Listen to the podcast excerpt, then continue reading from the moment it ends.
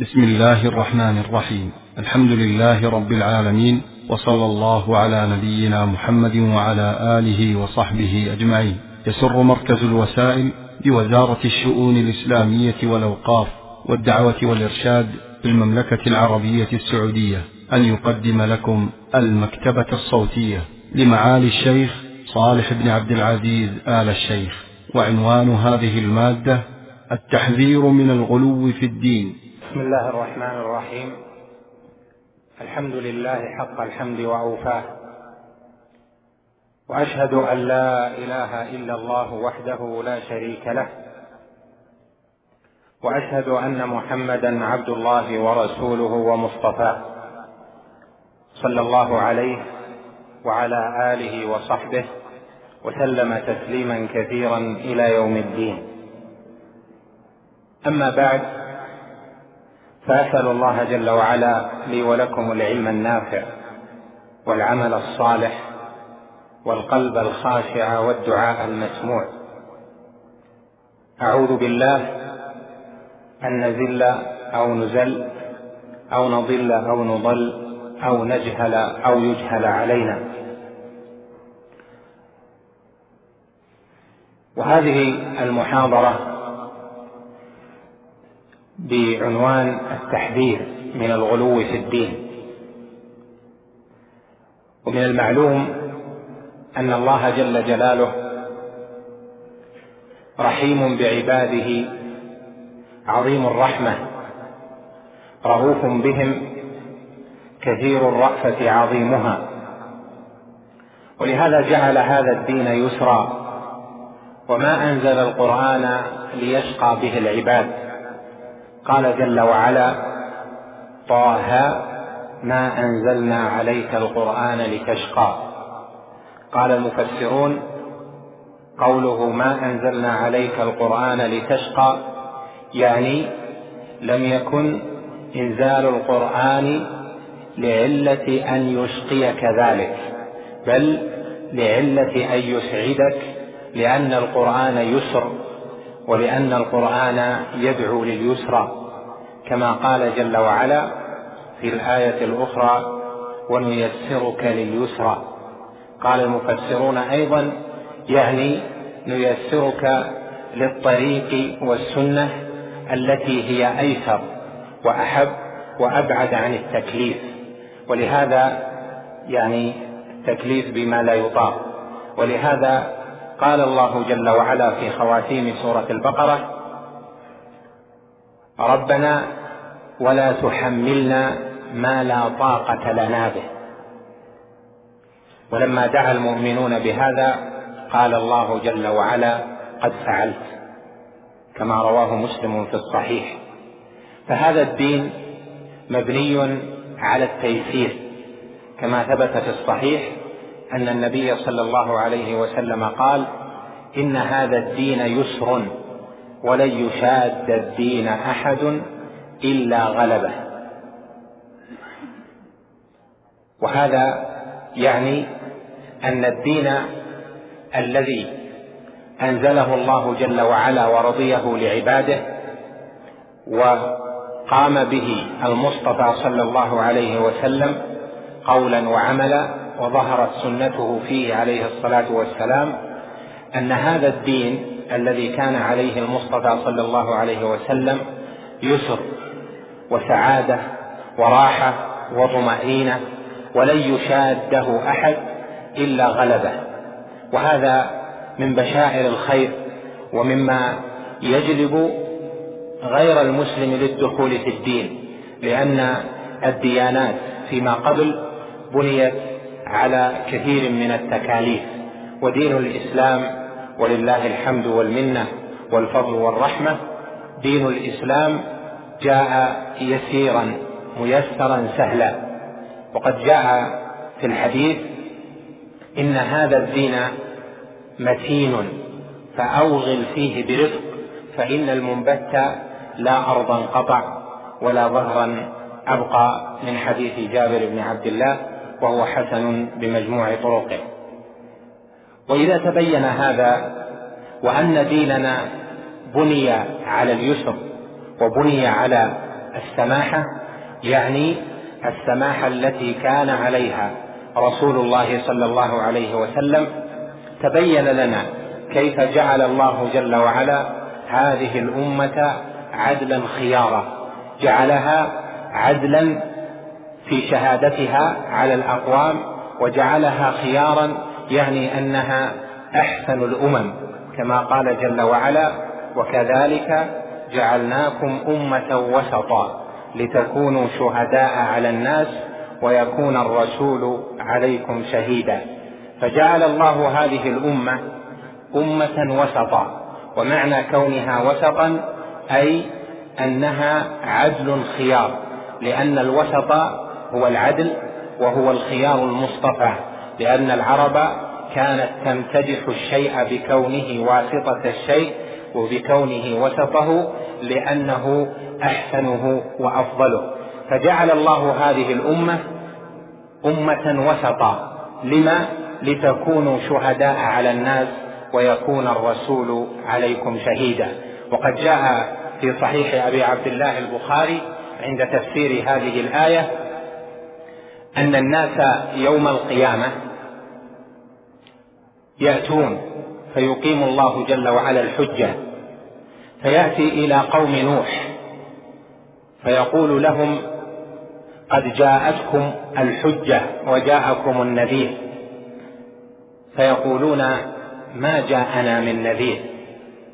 فيقول الله جل وعلا عليكم شهود هذه أمة محمد عليه الصلاة والسلام هذه أمة محمد فتأتي الأمة فتقول نعم قد جاءهم نوح بالبينات أو كما قال عليه الصلاة والسلام. وهذا فيه بيان أن هذه الأمة بعلمائها وفقهائها ومن عقل الدين عن المصطفى صلى الله عليه وسلم أنها شاهدة على الناس. ولا ولا يزال في هذه الأمة طائفة ظاهرة بالحق كما ثبت في الصحيحين وغيرهما أن النبي عليه الصلاة والسلام قال لا تزال طائفة من أمتي على الحق ظاهرين لا يضرهم من خذلهم ولا من خالفهم حتى يأتي أمر الله. قال شيخ الإسلام ابن تيمية رحمه الله وغيره من أهل العلم ظهور هذه الطائفة إما أن يكون ظهورا بالسيف والسنان وإما أن يكون ظهورا بالحجة والبيان. فلا بد أن يكون في هذه الأمة طائفة ظاهرة بالحق.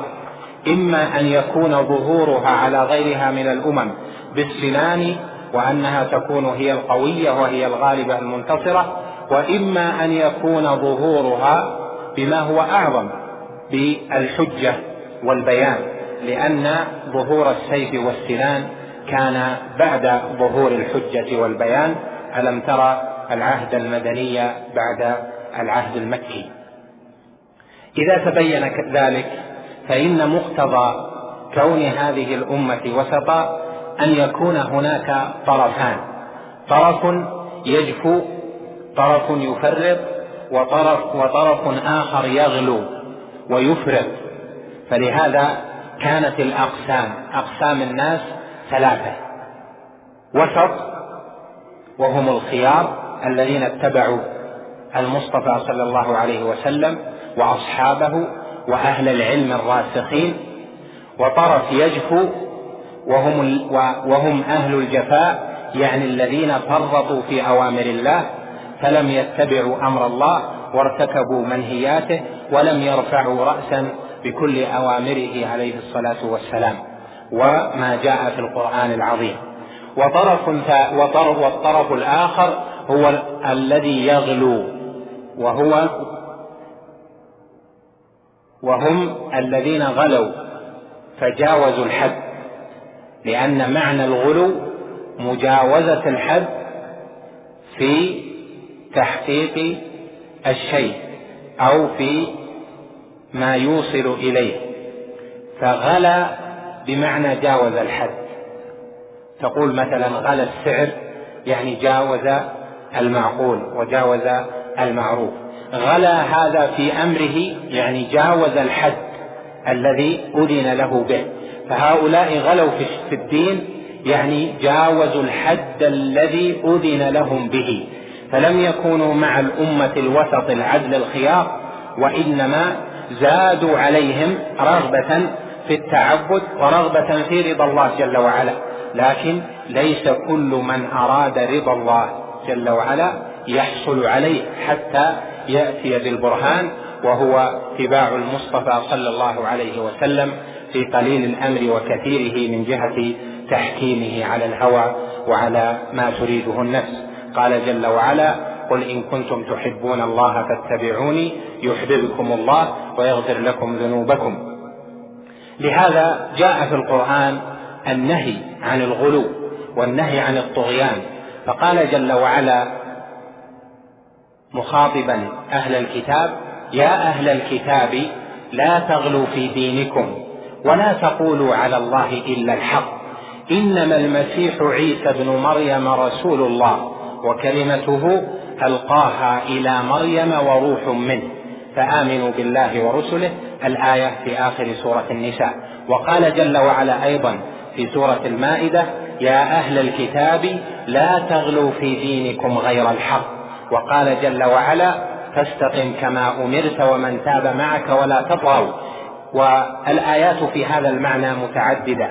فدلت الآيات على أن الطغيان ومجاوزة الحد والغلو منهي عنه. قال جل وعلا لأهل الكتاب يا أهل الكتاب لا تغلوا في دينكم ولا تقولوا على الله إلا الحق.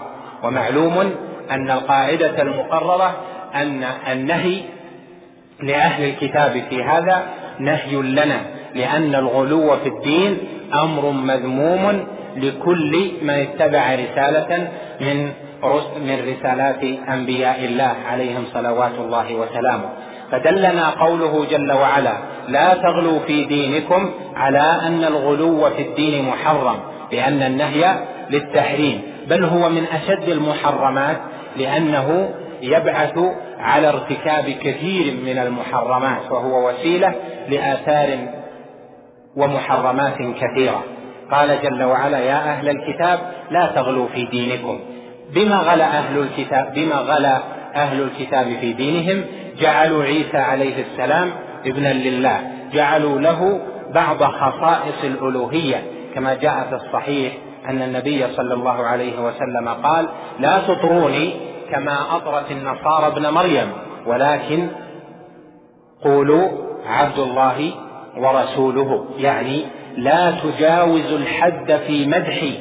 كما تجاوز النصارى الحد في مدحهم لعيسى فبلغ بهم ذلك أن عبدوه وألهوه.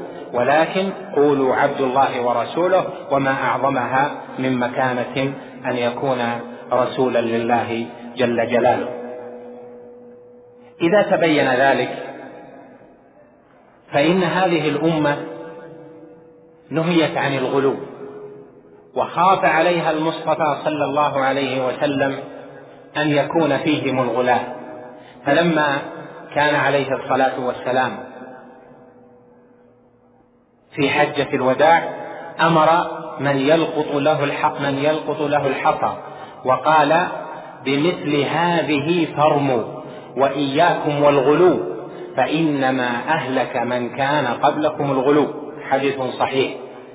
قال بمثل هذه فرموا وإياكم في الغلو حتى في حجم الحصاد حجم حجر الجمار الذي يرمى به قال إياكم والغلو. يعني لا تظنن أن الخير والتعبد والقرب من الله وكثرة الحسنات يكون في تكبير الحصاد. وإنما بمثل هذه فرمي وإياك أن تغلو في دين الله. لهذا خاف النبي عليه الصلاة والسلام على الأمة الغلو. والسبب قوله إنما فإنما أهلك من كان قبلكم الغلو. فالغلو سبب من أسباب الافتراء وسبب من أسباب ضرب الأمة بعضها رقاب بعض وسبب من أسباب الافتراق الوخيم. ومن القواعد المقررة ما قاله عليه الصلاة والسلام الجماعة رحمة والفرقة عذاب. لهذا كان أوائل الغلو في عهده عليه الصلاة والسلام. فكان رجل مرة بين يدي النبي صلى الله عليه وسلم فقال فكان عليه الصلاة والسلام يقسم بعض المال فقال له ذات الرجل يا رسول الله اعدل. يا رسول الله اعدل يعني في قسم المال. قال ويحك. من يعدل إذا لم أعدل؟ يخرج من ضئضئ هذا أقوام. يقرؤون القرآن لا يجاوز حناجرهم. يقتلون أهل الإسلام ويدعون أهل الأوثان. يعني أن الغلو كان عند هذا الرجل وكان من آثار غلوه أنه سيتبعه أقوام على غلوه. قال يخرج من ضئضئ هذا أقوام يعني جماعة يتبعونه فيما يقول أو فيما يفهم. قال يقرؤون القرآن لا يجاوز حناجرهم الحديث. كذلك حكاية الثلاثة من الصحابة الذين أرادوا التعبد فسألوا عن عبادة النبي صلى الله عليه وسلم فأخبروا بها أنه كان يتزوج النساء وأنه كان يقوم بعض الليل وينام بعضه وأنه عليه الصلاة والسلام كان يأكل اللحم.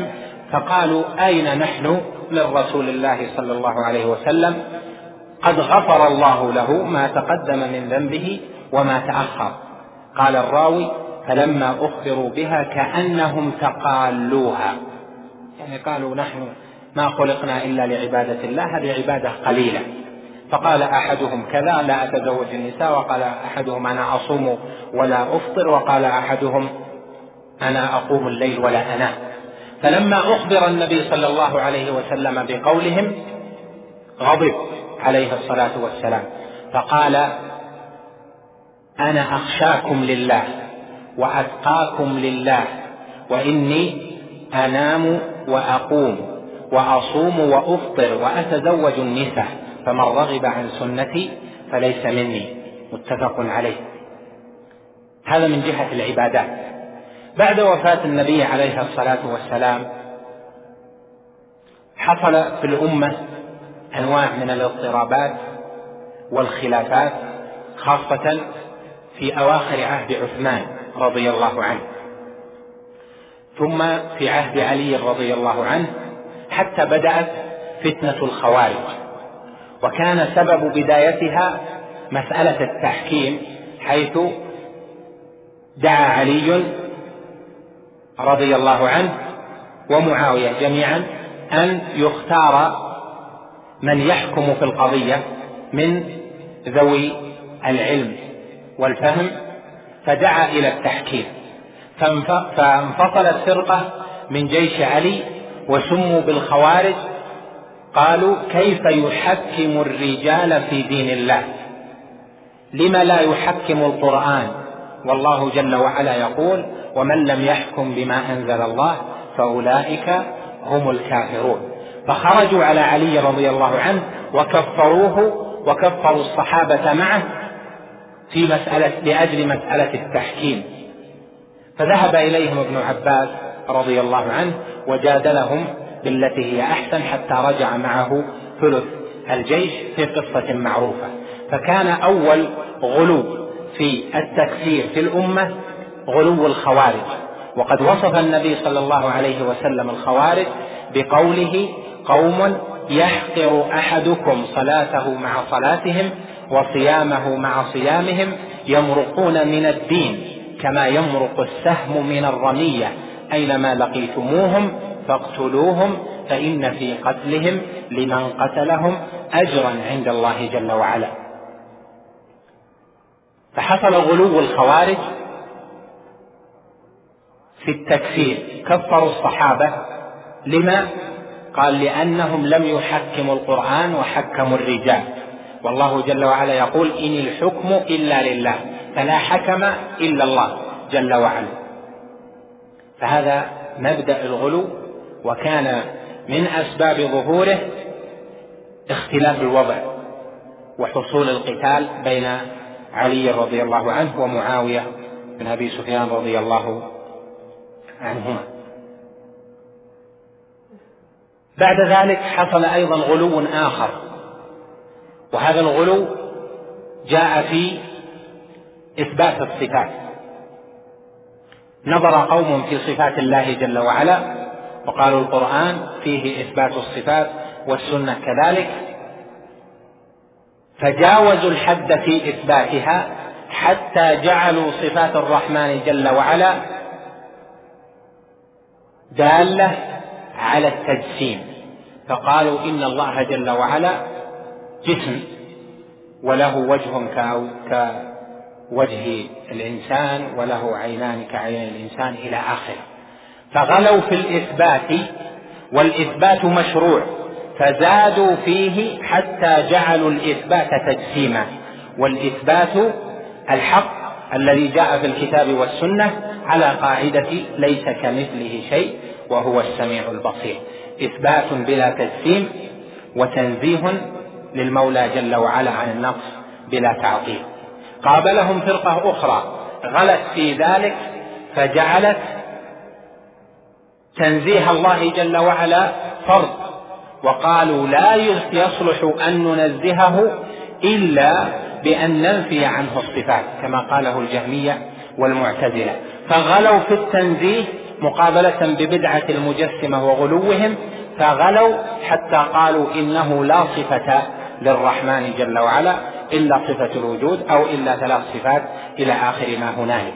فكان سبب غلوهم أنهم أرادوا تطبيق القرآن في أنه ينزه الله جل وعلا عما يليق عما لا يليق بجلاله وعظمته فغلوا في إثبات ليس كمثله شيء فجعلوا ذلك دليلا على أنه جل وعلا ليس له صفة تعالى الله عن قولهم علوا كبيرا.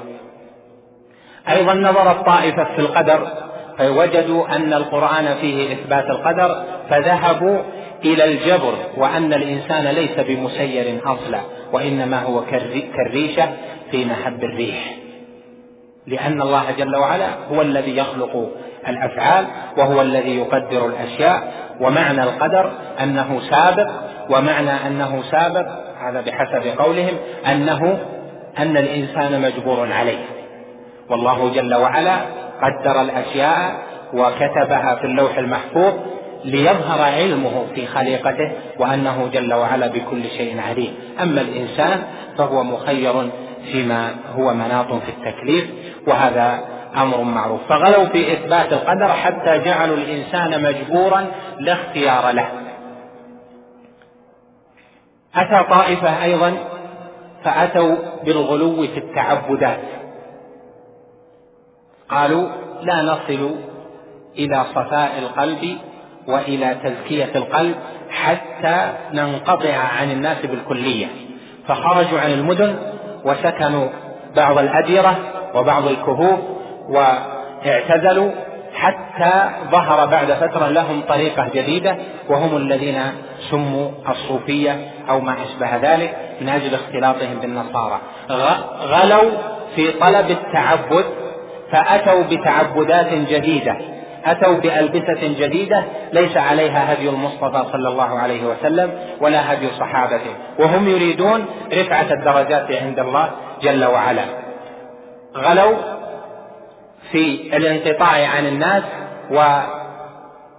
والرغبة في الخلوة في التعبد بالله جل وعلا وتسخير القلب لأن يجتمع على ذكر الله جل وعلا وعلى التفكر في ملكوته فتركوا السنة في ذلك وخرجوا عما أذن لهم به فبلغ بهم الغلو أن أحدثوا طريقة جديدة في العبادات وفي الأذكار وأنواع التعبدات فصاروا أهل فرق وأهل ضلالات كثيرة توسعت مع الزمن.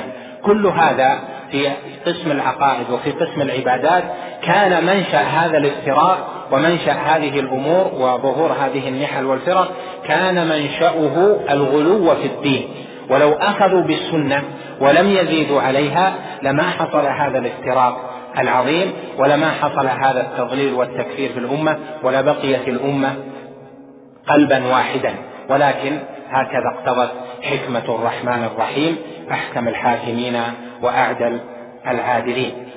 وهذا الذي خشي منه المصطفى صلى الله عليه وسلم حيث قال وإياكم والغلو فإنما أهلك من كان قبلكم الغلو.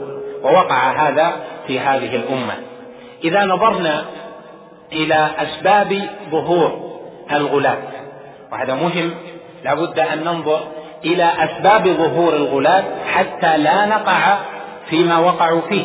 لأن كل منا يريد الخير ويريد التقرب إلى الله جل وعلا. فإذا عرف أسباب ظهور أهل الغلو فإنه يجتنب تلك الأسباب ويأخذ بالحزم في دين الله حتى لا يساق إلى نوع من الغلو من حيث يشعر أو من حيث لا يشعر. فأسباب ظهور الغلو متعددة لكن نذكر منها أشياء بما يوافق مدة هذه المحاضرة. فمن الأسباب عدم فهم القرآن على طريقة الصحابة رضوان الله عليهم. وأخذنا هذا من قول النبي صلى الله عليه وسلم في وصف الخوارج وهو وصف عام لكل أهل البدع. قال يقرؤون القرآن لا يجاوز حناجرهم. يعني أنه لا يجاوز كونهم يتلفظون به. وآخر الأحرف خروجا من الحنجرة. فإذا هو لا يدخل إلى القلوب على وجهه الصحيح. ولو دخل إلى القلوب فإنما يدخل على فهمهم الذي أخطأوا فيه وضلوا فيه وهذا لا يعني أن القرآن دخل إلى القلوب لأن القرآن إذا دخل إلى القلب على حقيقته فإنه يهدي إن هذا القرآن يهدي للتي هي أقوم. فحقيقة هذا السبب أن أولئك لم يتدبروا القرآن التدبر الصحيح على فهم الصحابة رضوان الله عليهم. بل كما ظهر في الخوارج أن الصحابة قالوا لهم معنى ومن لم يحكم بما أنزل الله فأولئك هم الكافرون. كذا فأبوا. قالوا لهم معنى إن الحكم إلا لله. كذا فأبوا. فإذا ما أخذوا بفهم الصحابة في ذلك فأتوا من جهة عدم تدبرهم للقرآن. والله جل وعلا أمر عباده أن يتدبروا القرآن فقال سبحانه أفلا يتدبرون القرآن؟ أم على قلوب أقفالها؟ يعني أن من لم يتدبر القرآن التدبر الصحيح فإن على قلبه قفلا. شاء أم أبى؟ حجزه عن تدبر القرآن التدبر الصحيح وجعلنا على قلوبهم أكنة أن يفقهوا فهذا هو السبب الأول ترك تدبر القرآن التدبر الصحيح. والأخذ بما يعن للذهن والفهم من غير تأهيل لأن يكون مفسرا أو مستوعبا لمعاني القرآن فيترك التدبر الصحيح ويأخذ بما يعن لذهنه مع عدم تأهله لذلك فلا يسأل أهل العلم عما أشكل عليه. فإذا ترك فهم القرآن الفهم الصحيح هذا من أسباب ظهور الغلو في هذه الأمة. والله جل وعلا ابتلى الأمة بذلك. السبب الثاني وجود المتشابه في الكتاب والسنة. فإن الله جل جلاله قال في أوائل سورة آل عمران هو الذي أنزل عليك الكتاب منه آيات محكمات هن أم الكتاب وأخر متشابهات. فأما الذين في قلوبهم زيغ فيتبعون ما تشابه منه ابتغاء الفتنة وابتغاء تأويله وما يعلم تأويله إلا الله والراسخون في العلم يقولون آمنا به كل من عند ربنا. قال جل وعلا هو الذي أنزل عليك الكتاب منه آيات محكمات فالقرآن منه محكم ومنه متشابه. معنى المحكم البين الواضح الذي يفهمه كل أحد. وهناك متشابه يشتبه معناه إلا على الراسخين في العلم وخاصة في مسائل الغيبيات وفي مسائل الأحكام. فهذه يشتبه معناها إلا على من رسخ في العلم فيرد المتشابه إلى المحكم فيتبين المعنى. فأهل الزيغ الذين وقع في قلوبهم الزيغ يذهبون إلى القرآن فيتبعون المتشابه ليخرجوا الحجج لهم وليس لهم حجة فيما ذهبوا إليه. فتأمل قول الحق جل جلاله فأما الذين في قلوبهم زيغ فيتبعون. فجعل وجود الزيغ في القلب أولا ثم جعل أن هؤلاء الذين في قلوبهم زيغ يتبعون ما تشابه منه. فوجود الزيغ سبق ثم بعد ذلك أولئك تتبعوا المتشابه ليبحثوا لهم عن حجة. وهذا خلاف التسليم لأمر الله جل جلاله. فالتسليم للأمر أن تأتي القرآن وليس في قلبك اعتقاد إلا ما دل عليه القرآن. أما أن يأتي بشيء في قلبه ثم يبحث في المتشابه من القرآن عن الحجة فإنه قد يجد الحجة في القرآن بحسب فهمه على أشياء كثيرة. النصارى احتجوا على خصوص بعثة النبي صلى الله عليه وسلم للعرب بقوله جل وعلا وإنه لذكر لك ولقومك. وبقوله جل وعلا وأنذر عشيرتك الأقربين. فقالوا هذا دليل على أن الرسالة خاصة. لكن هل هذا فيه حجة؟ ليس كذلك. أين قول الله جل وعلا؟ وما أرسلناك إلا رحمة للعالمين إنا أرسلناك للناس كافة للناس بشيرا ونذيرا والآيات الأخرى. إذا فوجود المتشابه في القرآن ابتلى الله به هذه الأمة ومنه الآيات التي فيها الكلام على التكفير أو الآيات التي فيها الصفات والغيبيات ونحو ذلك وبعض الأحكام فهذه متشابهة. بمعنى يشتبه علمها إلا على أهل العلم الراسخين فينزلون كل آية منزلتها الصحيحة. يعني يجعلون لها معناها الذي يجعل القرآن مؤتلفا غير مختلف. فماذا نعمل؟ الواجب أنه إذا جاءنا شيء من الحجج من القرآن ونحن لا نعلم معناه لا نجتهد في تفسيره على ما يعن لنا بل نسأل فيه. أهل العلم الراسخين لأنه بذلك السؤال نرجعه إلى المحكم ونخرج من الزيغ لأن الله وصف الذين يتبعون المتشابه بأنهم أهل الزيغ فأما الذين في قلوبهم زيغ فيتبعون ما تشابه منه ابتغاء الفتنة وابتغاء تأويله وما يعلم تأويله إلا الله والراسخون في العلم. أيضا السنة فيها متشابه لأن الله جل وعلا جعل من كلامه متشابها فكذلك جعل من السنة متشابها. أحاديث ما نعرف معناها. لو نأخذ معناها بمفردها لا وقعنا في أمر منكر. فجعل الله جل وعلا هذه الأمة مبتلات بأن يكون هناك حديث مشتبهة لا يتضح معناها إلا لأهل العلم. من قال لا إله إلا الله فقد حرم ماله ودمه. هل بكلمة لا إله إلا الله يكتفي أم لا بد من الشهادة وتمام الشروط إلى آخر ذلك؟ فإذا هناك أحاديث متشابهة يعني يشتبه معناها فيتضح المعنى بردها إلى غيرها. إذا كان كذلك فمن باب أولى أن يوجد المتشابه في كلام الصحابة رضوان الله عليهم. أو في أفعالهم وأن يوجد المتشابه في كلام العلماء وفي كتبهم وفي تصرفات بعض أهل العلم في التاريخ. فإذا ليست الحجة قائمة بوجود نوع احتجاج لمن يذهب أي مذهب من مذاهب الغلو لا. الم... الذي يكون حجة هو أن تكون الحجة صحيحة في نفسها محكمة وأن يكون قول العالم له دليله. من الكتاب والسنة أو من إجماع أهل العلم أو من عقائد أهل السنة والجماعة. أما أن يذهب المحتج فيحتج بقول عالم ويترك أقوال العلماء الآخرين أو يحتج بما وجد في كتاب ويترك ما وجد في كتب علماء المسلمين المحققين فهذا يحدث الغلو.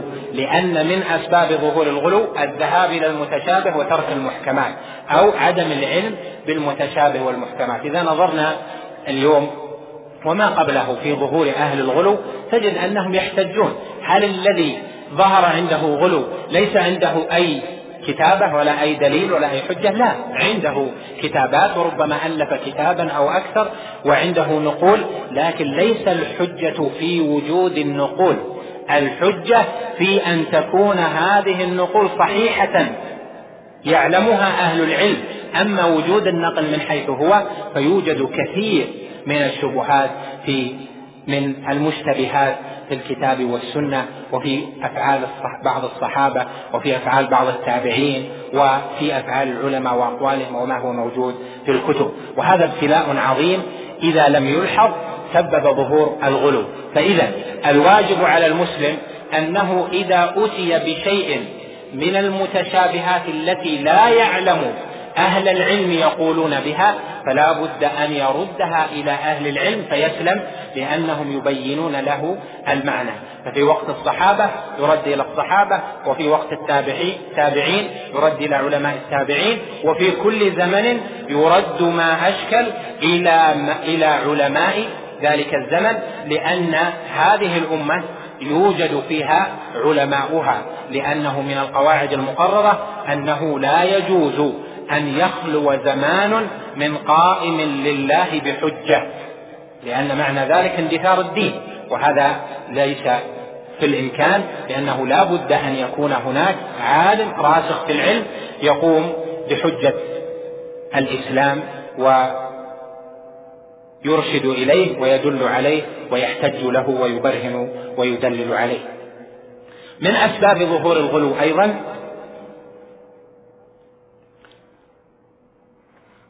ترك الرجوع كما ذكرنا للراسخين في العلم. وهذا بينا معناه إذا أشكل عليك شيء من الأوضاع والأحوال والأحكام والأحاديث وكلام العلماء أو ما هو موجود في الكتب فلا تأخذ تدارسه أنت وصاحبك ثم تخرجون بآراء بل لا بد أن ترجعه إلى أهل العلم فيبينون لك المعنى. فإذا نصحوك فانتصح لأنهم أشفق هذه الأمة على الناس. كنتم خير أمة أخرجت للناس. من الأسباب أيضا وهو سبب مهم ظهور أوضاع وأحوال لا ترضي من ذهب إلى الغلو. ففي عهد النبي صلى الله عليه وسلم قسم المال عليه الصلاة والسلام فلم يرضى ذاك الرجل فقال يا رسول الله اعدل. يعني ذلك الحال لم يرضي ذلك الرجل فجره عدم رضاه إلى الغلو. كذاك ما حصل في عهد علي رضي الله عنه في في ظهور الخوارج كما ذكرنا عدم رضاهم بحكم علي وبما حصل أداهم إلى الغلو. ظهور أوضاع سياسية مختلفة أو أو ظهور تغير في الأحوال أو فتن يدعو أو سبب من أسباب الغلو. فما الذي يجب هنا لندرأ هذا السبب؟ لندرأ أن نتأثر بهذا السبب. بعض الناس يقول الغلو سببه فساد الأوضاع وهذا ليس بصحيح مطلقا. بل ظهر الغلو في عهد النبي صلى الله عليه وسلم وهو أعدل من يعدل عليه الصلاة والسلام وهو رسول الله عليه الصلاة والسلام. ظهر الغلو بسبب أوضاع الصحابة بعضهم مع بعض وعلي رضي الله عنه محق فيما ذهب إليه. فظهر غلو الخوارج لا بسبب فساد في الصحابة ولكن بسبب فساد في فهمهم. إذا تغير الأوضاع قد يكون صوابا أو الحال والوضع الذي نشأ عنه الغلو قد يكون صوابا فنظرة هذا الذي غلا إليه لم تكن النظرة الصحيحة فغلا بسبب نظرته الخاطئة. هذا قسم. القسم الثاني تغير في الأوضاع وفي الأحوال بسبب ذنوب الناس. الناس خالفوا الشريعة وظهرت أوضاع مخالفة للشريعة فهذا الذي غلا نظر إليها بغير النظرة الشرعية الصحيحة. فغلا في الحكم عليها فأداه إلى الغلو. إذا ننتبه إلى أنه إذا رأينا تغيرا في الأحوال والأوضاع وظهورا في الفتن أو جاء شيء لا نعلم وجهته فلا بد أن نحذر لأن هذا أحد أسباب ظهور الغلو في التاريخ كله من عهد النبي عليه الصلاة والسلام بل وما قبله إلى زمننا هذا. إذا تغيرت الأحوال والأوضاع لابد يظهر نوع من أنواع الغلو لأنه ليس كل أحد يرجع إلى الشريعة بل لابد أن يوجد عصاة وخارجين أن يوجد خارجون على الشريعة. فإذا ننتبه عند تغير الأحوال والأوضاع فقد يكون سبب الغلو تغير الأحوال والأوضاع. وليس دائما سبب الغلو فساد الأوضاع بل تغير شيء. قد يكون التغير صحيحا في نفسه لم يفقهه الذي غلا فغلا.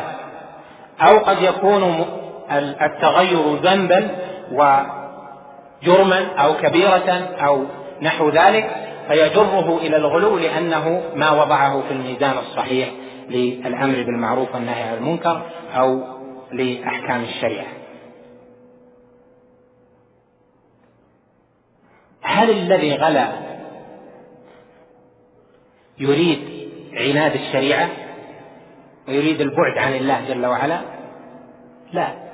قد بل الغالب أن يكون الذي غلا يريد زيادة في التعبد زيادة في القرب من الله جل وعلا. من أين أخذنا ذلك؟ من قوله عليه الصلاة والسلام في وصف الخوارج يحقر أحدكم صلاته مع صلاتهم وصيامه مع صيامهم يعني أنهم عندهم زيادة في التعب. فالذي فالذين يغلون لا يدل على أنهم عدم غلاة أنهم كثير أنهم كثير التعبد. لا بل قد يكون صالحا في يعني من في الظاهر من جهة كثرة العبادات والصيام النفل والطاعة وملازمة المساجد والغيرة على دين الله والأمر والنهي إلى آخره ولكنه يكون على باطل.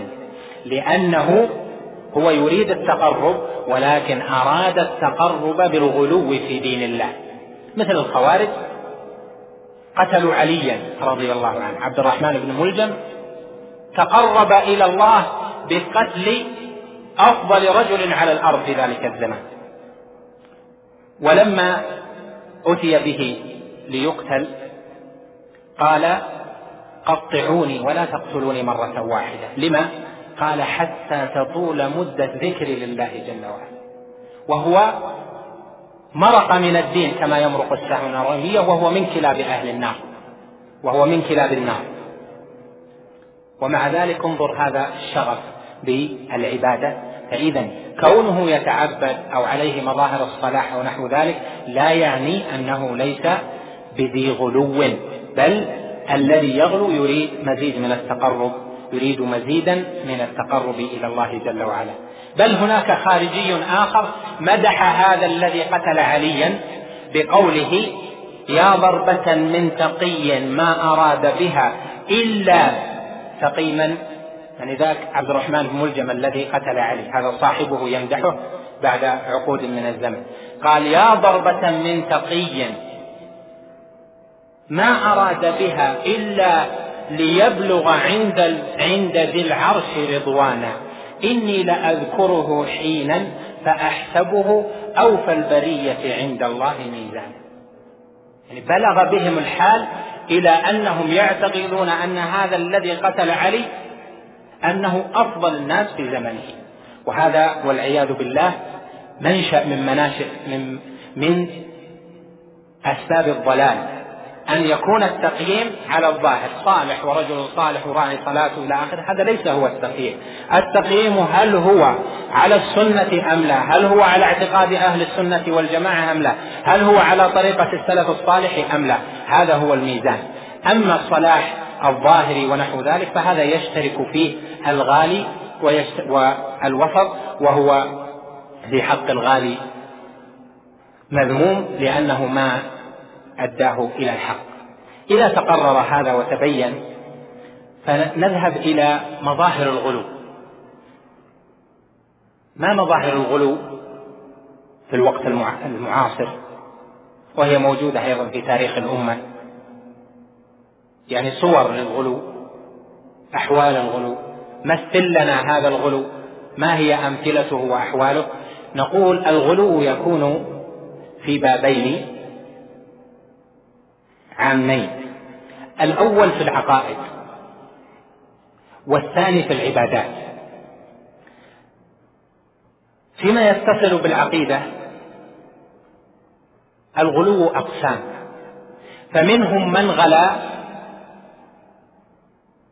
في حبه وتعظيمه لبعض بني آدم. غلا بعضهم في الأنبياء والمرسلين. فجعلوا لهم بعض صفات الإلهية. غلا النصارى في عيسى. غلا اليهود في عزير. غلا بعض هذه الأمة في محمد بن عبد الله عليه الصلاة والسلام. كيف غلوا في محمد عليه الصلاة والسلام؟ قالوا إنه إنه عليه الصلاة والسلام يملك أن يغيث من استغاث به بعد مماته يملك أن يجير من استجار به بعد مماته اذهب إليه فاستغفر يغفر لك. اطلب منه غفران الذنوب يغفر لك لأنه لا يرد له طلب. جعلوا النبي عليه الصلاة والسلام له علوم مختصة بالله جل وعلا. كما قال شاعرهم فإن من جودك الدنيا وضرتها ومن علومك علم اللوح والقلم. من جوده الدنيا وضرتها يعني الآخرة. هذه كلها للنبي صلى الله عليه وسلم. ومن علومه علم اللوح والقلم يعني يعلم ما في اللوح المحفوظ. هذا غلو. في وصفه عليه الصلاة والسلام. بل بلغ بهم الغلو في المصطفى عليه الصلاة والسلام أن قالوا القرآن في الحقيقة لا يناسب أن يكون معجزة للنبي عليه الصلاة والسلام. وقالها وقالها أيضا البوصيري في مفهوم كلامه في نونيته حيث ذكر بعض معجزات النبي صلى الله عليه وسلم فقال لو ناسبت قدره آياته عظما أحيا اسمه حين يدعى دارس الرمم يعني لا يناسبه شيء من الآيات التي يؤتيها لا القرآن ولا شق القمر إلى آخره.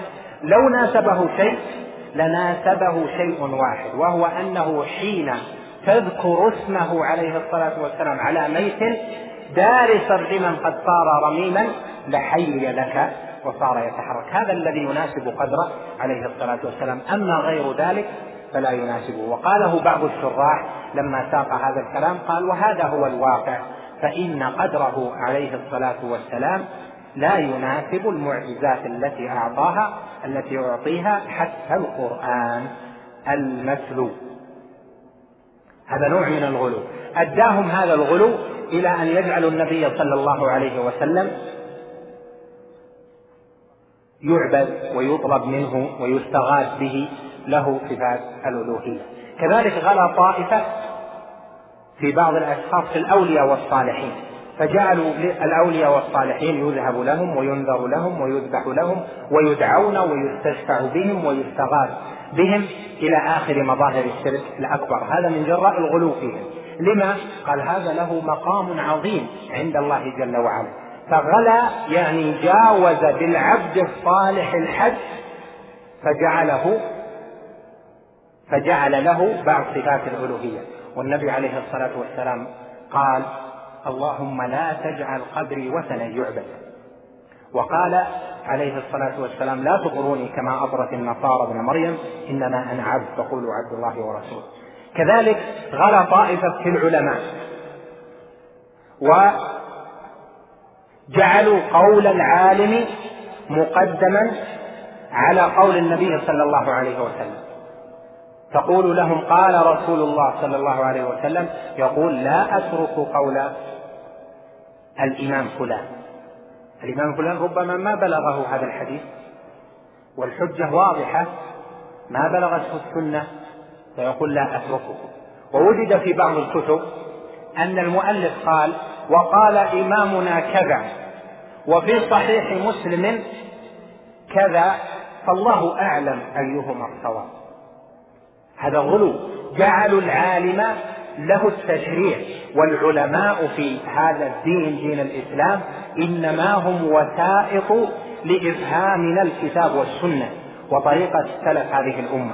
هذه وظيفة العلماء. أما العالم لا يستقل يشرع شيئا من عنده لم يكن عليه له أساس إلا في المسائل الاجتهادية التي لا نص فيها فيجتهد بإلحاق هذه المسألة المجتهد فيها بأصولها من الأدلة أو القواعد إلى آخر ذلك مما هو معلوم في أبواب الاجتهاد من أصول الفقه.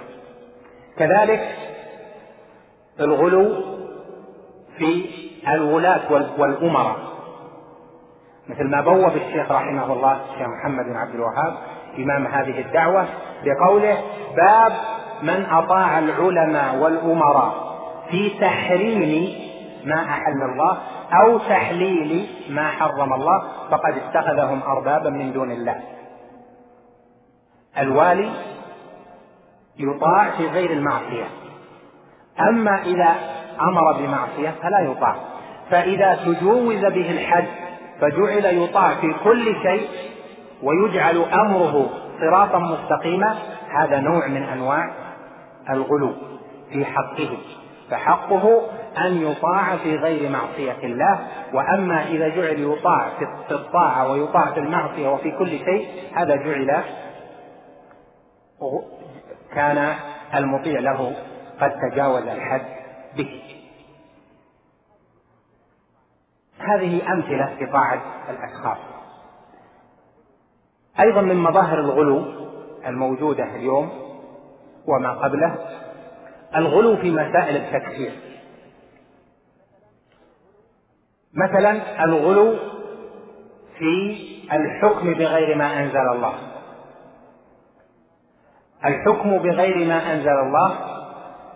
قال الله جل وعلا في شأن الحاكم ومن لم يحكم بما أنزل الله فأولئك هم الكافرون.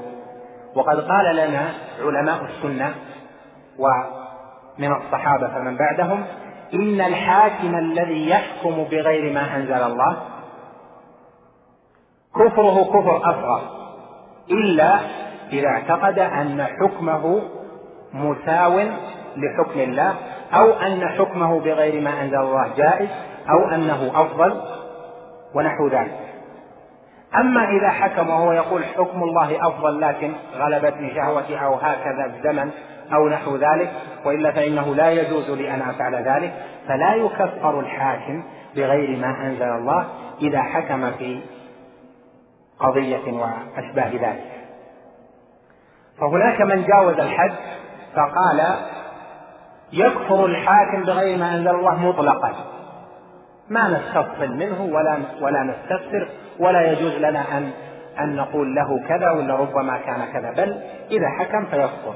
وجعلوا الآية في الكفر الأكبر ونصوص الصحابة واضحة كابن عباس وابن مسعود وهي موجودة في تفسير ابن جرير وفي غيره. المتحاكم. يقول هؤلاء الذين في البلاد التي تحكم بغير ما أنزل الله.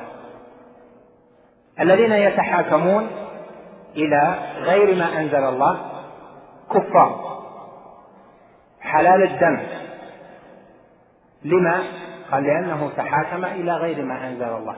هذا الغلو ومتجاوزة في الحد لأن الله جل وعلا جعل لنا الحد الذي يكفر به المتحاكم ابتغاء حكم غير الله والرضا به وإرادته واختياره. بهذه الشروط. قال جل وعلا يريدون أن يتحاكموا إلى الطاغوت وقد أمروا أن يكفروا به. فقال يريدون. فجعل الإرادة شرطا.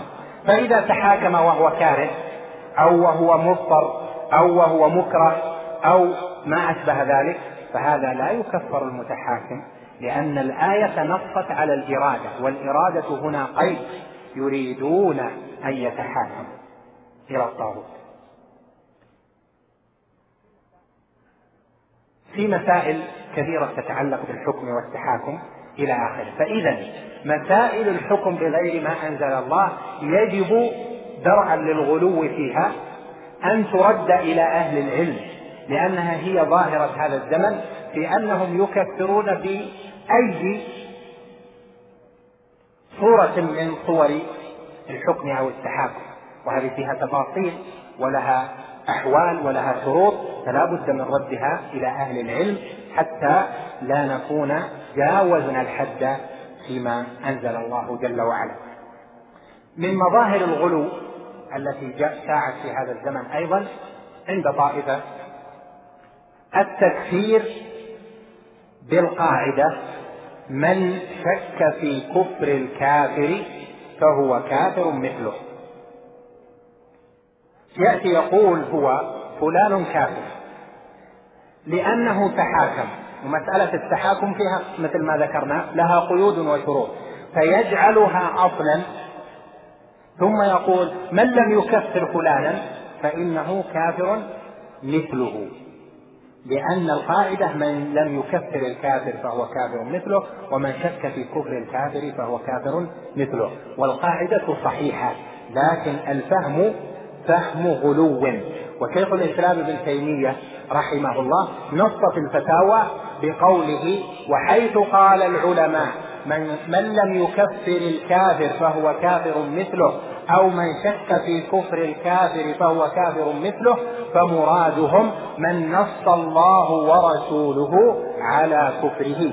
لأن في في عدم تكفيره تكذيبا لله ولرسوله صلى الله عليه وسلم في تكفيرهم تكفيرهما في تكفير الله ورسوله لذلك المعين. نستمع للأذان.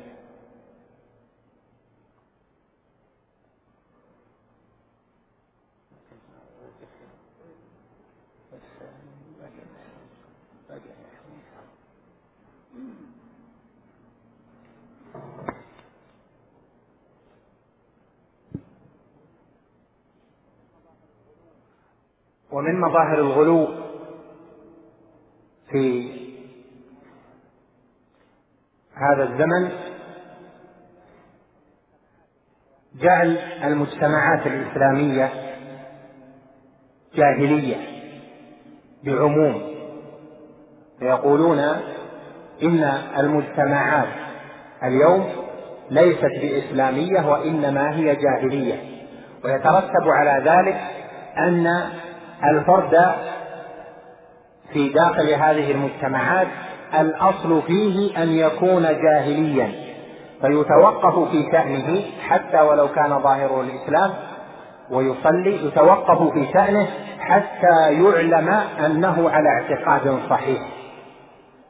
يوافق اعتقاد أولئك الغلاة. فلا يحكمون بإسلام من أظهر الإسلام وإنما يقولون الأصل في الناس الكفر والجاهلية. وهذا والعياذ بالله غلط وباطل لأنه يصح أن نقال أن نقول الأصل في الناس اليوم الجهل بالإسلام. والأصل في من أظهر الإسلام أنه مسلم. فلا ينقل عن هذا الأصل إلا بشيء بين واضح. أما الحكم بالعموم هكذا. فإنه من مظاهر الغلو لأنه لا برهان عليه.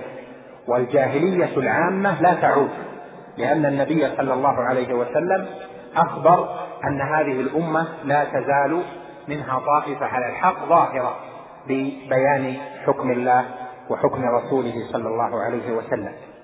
نتج من ذلك أنهم يعتبرون الناس اليوم والتعامل معهم كما يتعامل مع المشركين في العهد المكي.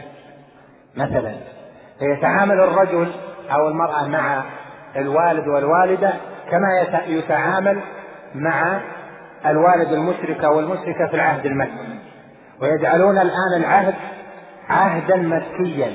وأما العهد المدني يعني حيث تكون الأحكام ويكون المجتمع مجتمعا مسلما فلم يأتي بعد على حد زعمهم. وهذا كما ترى غلو في مسألة التكفير.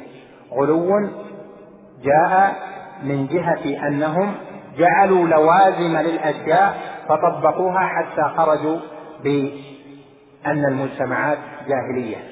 ومن المعلوم أن هناك قواعد عند أهل العلم تضبط حكم المجتمع حكم الدار حكم الفرد فيما إذا أظهر حكم غير المسلم في دار المسلمين إلى آخره. هذه كلها لها أحكام. ينتج من هذه المظاهر أنه يستباح الدم ويستباح المال. وقد رأيتم فيما سبق وسمعتم في هذه البلاد وفي غيرها مظاهر من مظاهر استباحة الدماء واستباحة الأموال وهي راجعة إلى مسألة الغلو في التكفير.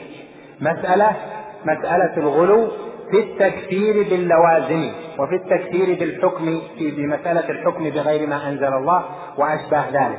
فلهذا يجب على كل أحد أن يحرص على أن يكون علمه بهذه المسائل علما سنيا واضحا سلفيا على طريقة السلف الصالح رضوان الله عليهم هذا أولا.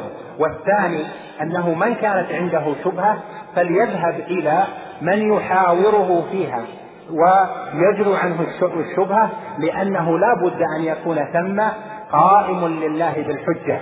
أما أن يكون عامة علماء المسلمين على الضلال ويكون هناك من يأتي ويكفرهم ويقول إنه على الحق فهذا لا شك أنه باطل لأن ما بني على باطل فهو باطل.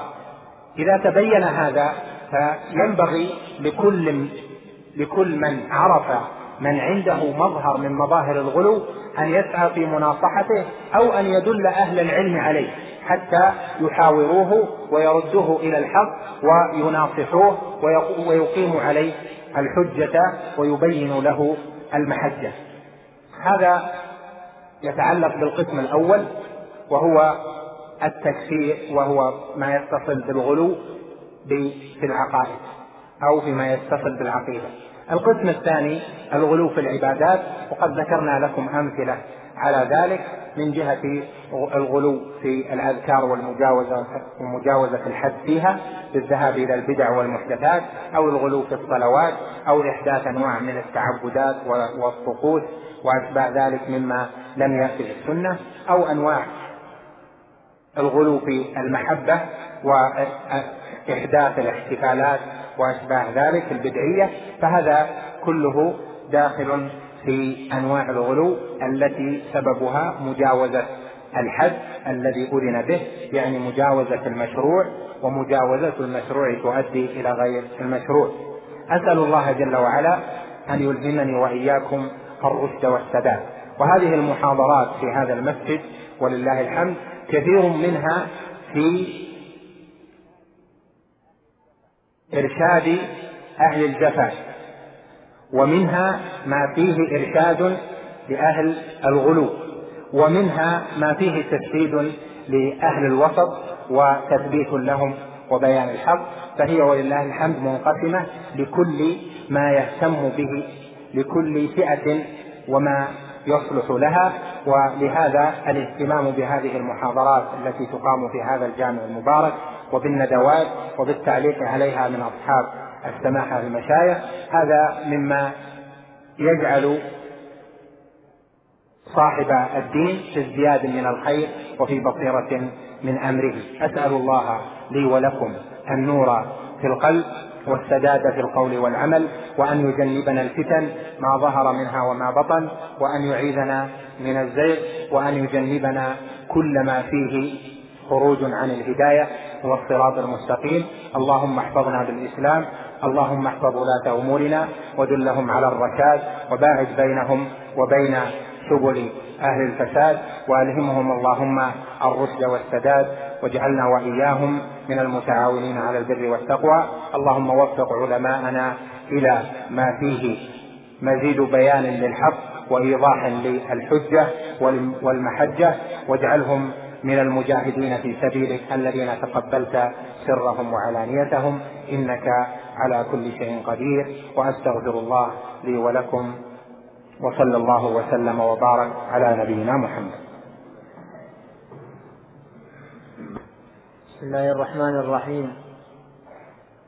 أيها الأحبة أنتم على موعد مع تعليق مبارك من صاحب الفضيلة الشيخ عبد العزيز بن عبد الله الشيخ. عضو هيئة كبار العلماء وعضو اللجنة الدائمة للبحوث العلمية والإفتاء بالتعليق على محاضرة صاحب الفضيلة الشيخ صالح هذا الشيخ التي كانت في عنوان التحذير من الغلو في الدين فليتفضل جزاه الله خيرا. بسم الله الرحمن الرحيم. الحمد لله رب العالمين. اللهم صل وسلم وبارك على سيد الأولين والآخرين وإمام المتقين وقائد الغر المحجلين. نبينا محمد صل يا رب عليه وعلى آله وصحابته أجمعين ومن تبعهم بإحسان إلى يوم الدين وعنا معهم بعفوك وكرمك يا أرحم الراحمين. وبعد فلقد استمعنا جميعا إلى المحاضرة القيمة التي بعنوانها التحذير من الغلو في الدين. والتي قام بإلقائها معالي الشيخ صالح بن عبد العزيز آل الشيخ نائب وزير الأوقاف والشؤون الإسلامية والدعوة للشعب. الواقع أن هذه المحاضرة القيمة عالت قضايا الغلو أصل الغلو وأساسه منشأه أسبابه أسباب الوقاية منه. فأتى بما لا حاجة إلى المزيد عليه. ولقد وفى المقام حقه وتحدث حديثا صحيحا صريحا مبنيا على الأدلة من الكتاب والسنة فوفقنا الله وإياه لكل خير. الله جل وعلا بعد محمدا صلى الله عليه وسلم بالهدى ودين الحق. وجعل شريعته شريعة اليسر. قال الله جل وعلا لما فرض الصيام وبين حكم المسافر وغيره يريد الله بكم اليسر ولا يريد بكم العسر. فأخبرنا أنه يريد بنا التيسير علينا ولا يريد ما فيه عسر علينا. وقال جل وعلا وما جعل عليكم بالدين من حرج ملة أبيكم إبراهيم. وقال جل وعلا في حق محمد صلى الله عليه وسلم في حق محمد صلى الله عليه وسلم ويضع عنهم إثرهم والأغلال التي كانت عليهم. فمحمد صلى الله عليه وسلم وضع الله به عنا الآثار والأغلال التي كانت على من قبلنا. إما عقوبة لهم وإما هكذا شريعتهم. فالله جل وعلا وضع بمحمد عنا الآثار والأغلال التي كانت على من قبلنا. فصارت شريعتنا يسر وسهولة يقول صلى الله عليه وسلم يسروا ولا تعسروا وبشروا ولا تنفروا. ويقول إنما بعثتم ميسرين ولم تبعثوا معسرين. ويقول إن هذا الدين يسر ولن يشاد الدين أحد إلا غلبه فسددوا وقاربوا وأبشروا. إذا تأمل المسلم شريعة الإسلام وجدها بعيدة عن مظاهر الغلو ووجد مظهرها مظهر اليسر في كل أحوالها سواء في معتقداتها أو في عباداتها. ولكن هذا لمن وفقه الله وبصر قلبه وشرح صدره للحق فعرف الحق على حقيقته. والباطل على حقيقته ولم تلتبس أمامه الأشياء. اولا لننظر إلى قضية الإيمان. فأهل السنة والجماعة يقولون الإيمان أقوال وأعمال قول اللسان واعتقاد القلب وعمل الجوارح يزيد وينقص. يزيد الإيمان وينقص. فأما الذين آمنوا فزادتهم إيمانا وعلى ربهم يتوكلون. ويزيد الله الذين اهتدوا هدى. فالإيمان عندهم يزيد وينقص.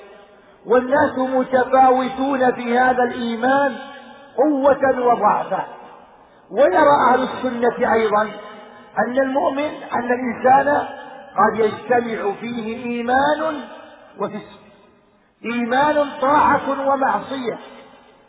صلاح وفساد. فهو من جهة بعض الأشياء هو مؤمن. ومن جهة الإخلال ببعض واجبات الإيمان قد يفسق.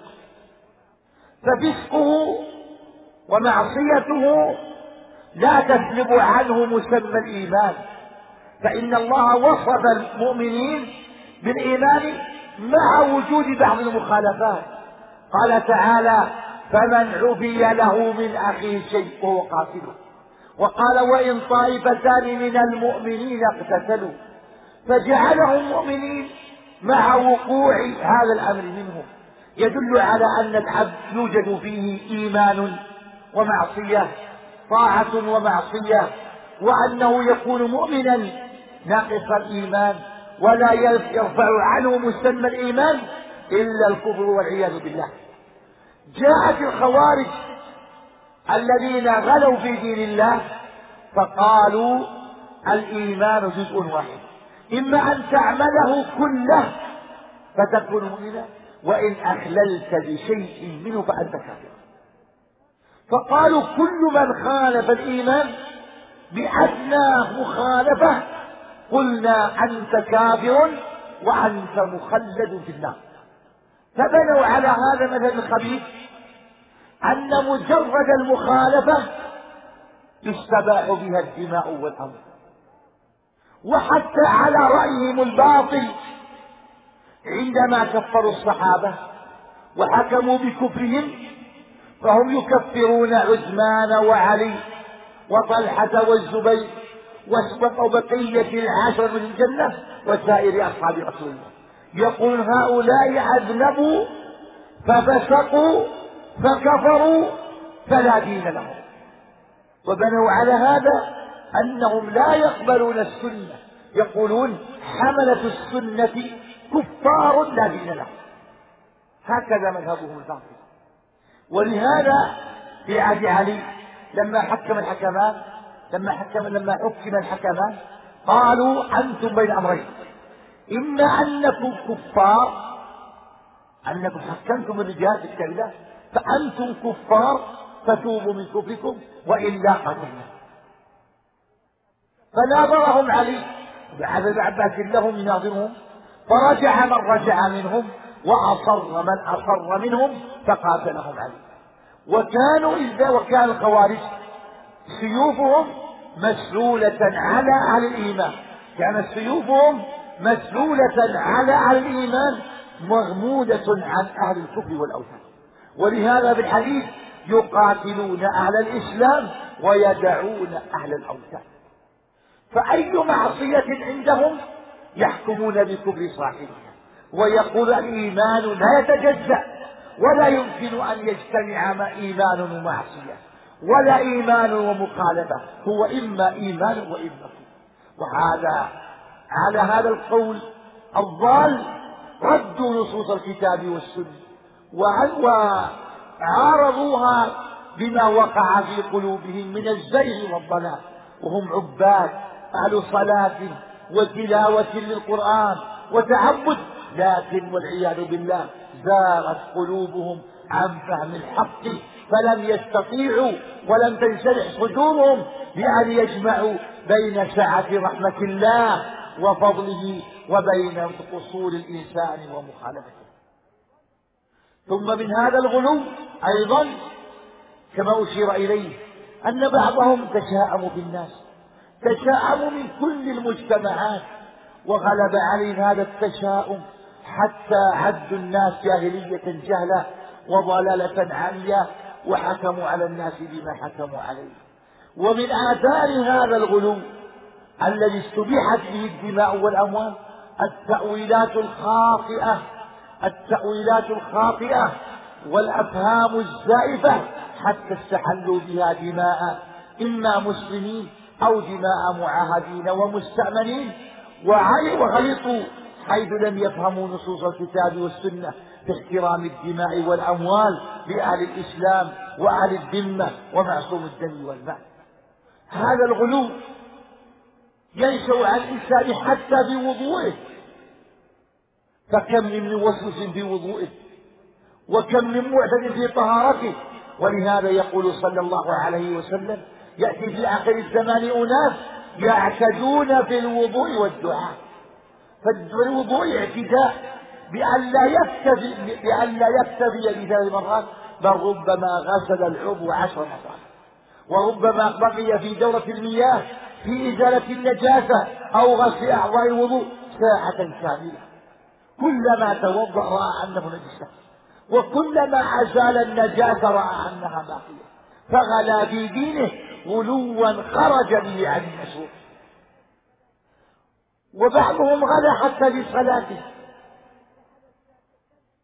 ففعل فيها فعلا ربما سبب له الذهول والسهو الكثير والنسيان والغفلة. وكل هذا من الخطأ. فالصلاة المعتدلة ما كان عليه رسول الله وأصحابه. فلا نقر ولا غلو ولكن صلاة باعتدال. غلو في الصيام. ولهذا النبي نهى عن صيام الدهر وقال لا صام من صام. لا صام من صام الدهر؟ لأن صيام الدهر يجعل الإنسان لا يشعر ولا يفرق بين فطر وصيام ولا يذوق حلاوة الصيام. فقال لا صام من صام الدهر؟ لا صام من صام الدهر. ومن الغلو الغلو أيضا كما سبق في التحرز من النجاسة التحرز الذي يشابه بعضهم اليهود فإن اليهود معروف عندهم التشدد فكانوا لا يؤاتوا الحائضة ولا يجالسونها ولا يضاجعونها. والنصارى بخلافهم لا يبالوا بالنجاسة.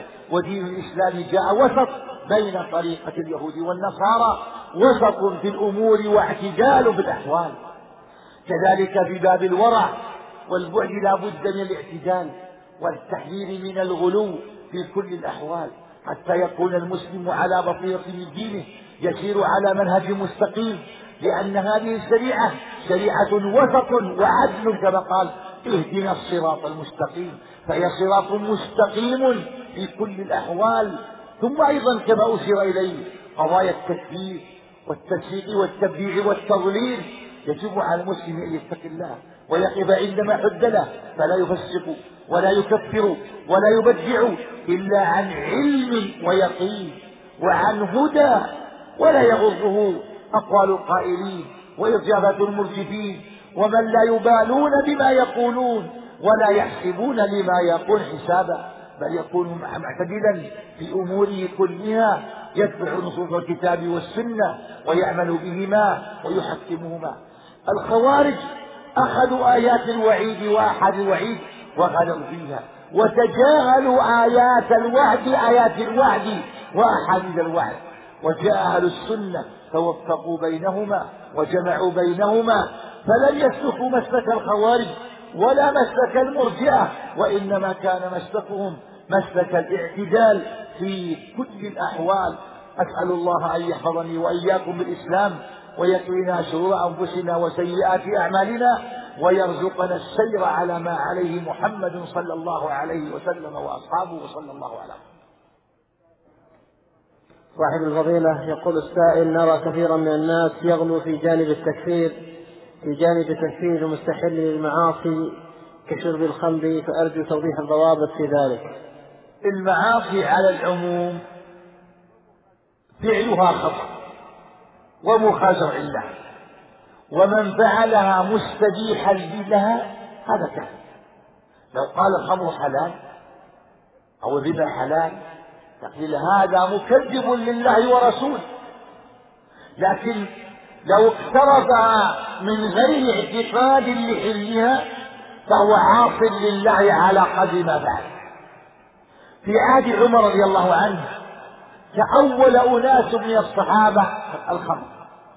وقالوا إن الله يقول ليس على الذين آمنوا وعملوا الصالحات جناح فيما طعموا إذا ما اتقوا وآمنوا وعملوا الصالحات ثم اتقوا وآمنوا ثم اتقوا وأحسنوا والله يحب المحسنين. فقالوا نحن متقين ومنزل فلما بلغ عمر أمرهم جمع الصحابة فاستشاروا قال ما رأيكم هؤلاء؟ قالوا له انظرهم ناظرهم. فإن استحلوه كفروا وإن اعتقدوا حرمته جلدوا.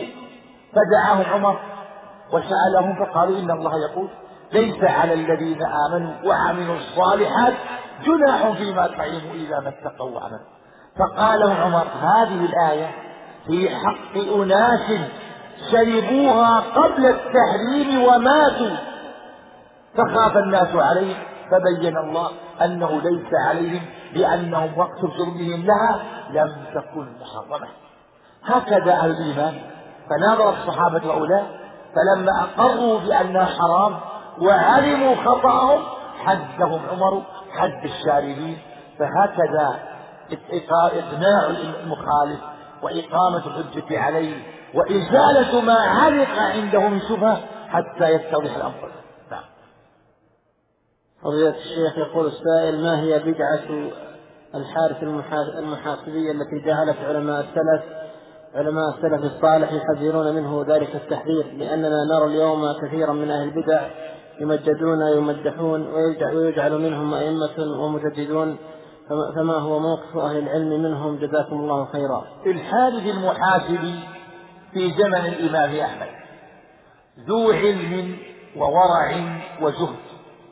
إلا أن أحمد رحمه الله بلغوا عنه القول في الصفات ولعله في عموم علم الله وشمول علم الله وأنه ربما ذهب مذهب القدرية القائلين بأن العلم مستأنف وليس علما أزليا كما بين الله. فعنده نوع من مذهب القدرية وعنده شك في تكفير تبديع القائلين بخلق القرآن فعنده شيء من من المخالفات ولهذا الإمام أحمد يعني هجره وأنكر عليه ما عنده مخالفات وإن كانت مخالفاته لم تبلغ ما عليه الجهمية المعصر الضلال لكن عنده شيء من مذهب القدر وشيء من التردد في بعض الأمور التي كفر بها الجهمية. فكان الإمام أحمد يحب أن يسمع كلامه ويقول إنه طلب من أحد أصحابه أن يستجير أن يعني يستجير المحارب المحاسبي وأن أحمد طلب من أن يحدث وأحمد يسمعه من وراء الحجاب. وقال لا أحب أن يعلم الناس أني أجالسه خوفا من أن يظن أني راض بأقواله وأعماله. لكن الإمام أحمد يحب مواعظه ورقائقه وإن كان يكره عليه ما هو عليه من المخالفات. ويظهر أن مخالفاته أن مخالفاته ليست بالمنزل كبيرة لكن عنده تساهل وشيء من الخطأ. فأحمد هجره على أخطائه لكنه كان يسمع رقائقه ومواعظه ليعظ بها قلبه. وهكذا أهل العلم صدورهم رحبة مع مخالفتهم لخصمهم لكنهم لا يتجاهلون جوانب الخير فيهم. يعني يأخذون من خصمهم الحق الذي عنده وإن كانوا يمقتونه على ما عنده من باطل. هكذا الصدور الرحبة والنفوس الطيبة التي ليس لها غرض ولا هوى. كون سيخطي تزل قدمه؟ هذا أمر ما ينكر. لكن كون يتجاهل كل شيء عنده بخطأ وقع فيه. هذا أمر لا ينبغي. فالإمام أحمد وأمثاله من أهل الاعتدال في الأمور كانوا هكذا. يقبلون الحق ممن جاء به ويرفضون الباطل ممن جاء به. وإذا كرهوا من شخص باطلا لم ينكروا عليه حقا. اللهم إلا الغلاة الضلال.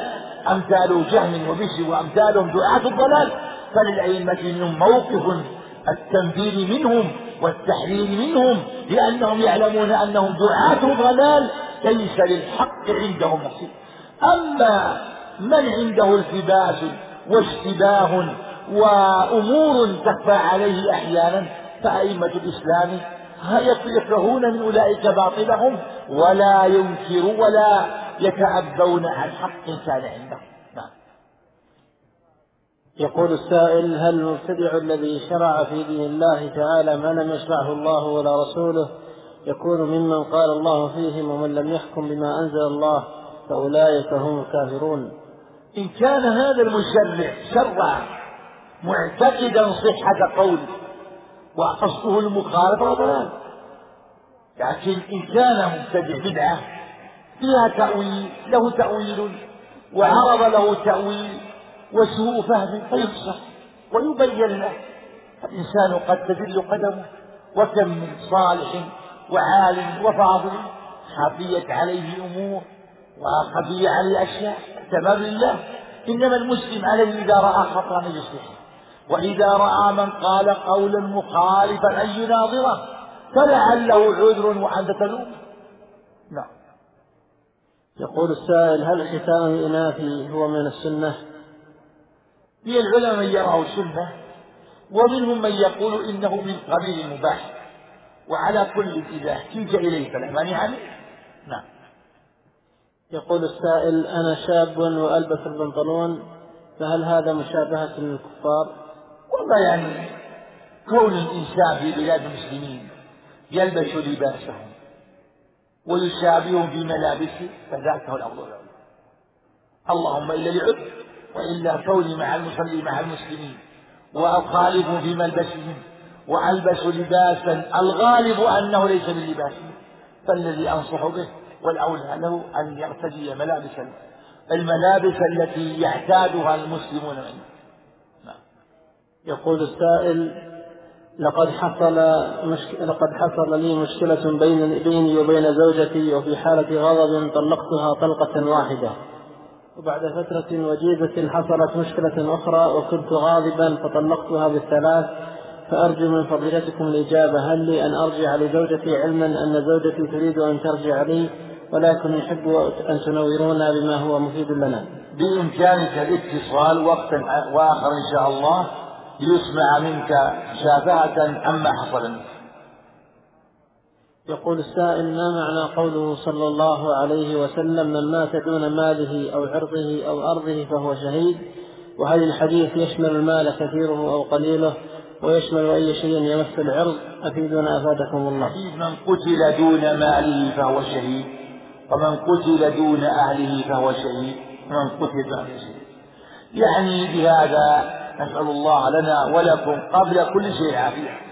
وأن يعافينا وإياكم من البلاء. النص على أن من أراد أخذ مالك بغير حق فلك أن تدافع عن مالك. لك أن تدافع عن مالك وتحمي مالك. ولو أراد اغتصابه منك فلك المدافعة إن دافعت عنه فلك المدافعة تدافع بالأسهل فالأسهل بما يمكن أن يرده عنه. ونسأل الله ألا يجزئنا والشر من حول دون أهله. أن يفعل الفاحش بأهله. فله أن يدافع. ثم يدافع بأسهل ولو أدت المدافعة إلى ما هو أعظم من ذلك. نسأل الله لنا ولكم العافية. فضيلة الشيخ انتشرت بيننا نحن النساء لبس البنطلون ولبس القصير فما حكم فعل ذلك من النساء؟ أما لباسكن البنطلون في الأسواق العامة فحرام عليكم لأن البنطلون يجسد يعني يجسد أجزاء المرأة ويبين يعني ويوضح تقاطيع جسمها. فلبسك فلبسك إياه بين الرجال بين الأجانب أو بالأسواق محرم. لا نعم. يقول السائل لي صديق يعمل في مطعم فإذا ذهبت له يسمح لي أن آكل دون حساب فهل من حقه ذلك؟ وهل يجوز لي الأكل؟ إن كان يملك المطعم فنعم وإن كان مستخدما فيه فلا يعطيك إلا ما يؤذن له به أو يكون على حساب. يقول السائل أنا مواطن من إحدى الدول, الدول العربية ومقيم بالرياض وقد طلبت مني زوجتي أن أرسل لها صورة شخصية مني حتى تطمئن على صحتي. وقد علمت من أحاديثكم من أحاديث فضيلتكم أن التصوير حرام فما رأي فضيلتكم؟ هل أرسل هل أرسل لها صورة أم لا؟ لعل في المهاتفة أو شيء أو أولى من هذه الصورة. نعم. يقول السائل هناك في بعض المجلات ما يسمى بالأبراج كبرج الثوري والعقرب وغيرها وهو وهم يدعون أنه سيحدث في اليوم التالي كذا وكذا لصاحب البرج. فنرجو من سماحتكم الإفصاح عن حكم ذلك. هذا كله من الضلال. والقول على الله بلا علم. البروج والشهود والطوالع كلها في بالحي القيوم. ما شاء الله كان وما لم يشأ يقول السائل هل صيام كفارة الأيمان؟ الثلاثة أيام المتتابعة إذا صمت في كل أسبوع يوم هل هذا صواب أم لا؟ أولا إن كفارة للقسمين الأول متخيل وهو العتق أو الكسوة أو الإطعام فإذا علمت الأشياء الثلاثة فلا تنسى عتق رقبة ولا إطعام على المساكين ولا كسوة فالجأ إلى الصوم والأولى أن يكون متتابعا جزا الله صاحب الفضيلة على ما أفاد جزاكم الله خيرا على حضوركم وصلى الله وسلم وبارك على نبينا محمد. مع تحيات. مركز الوسائل بوزارة الشؤون الإسلامية والأوقاف والدعوة والإرشاد بالمملكة العربية السعودية.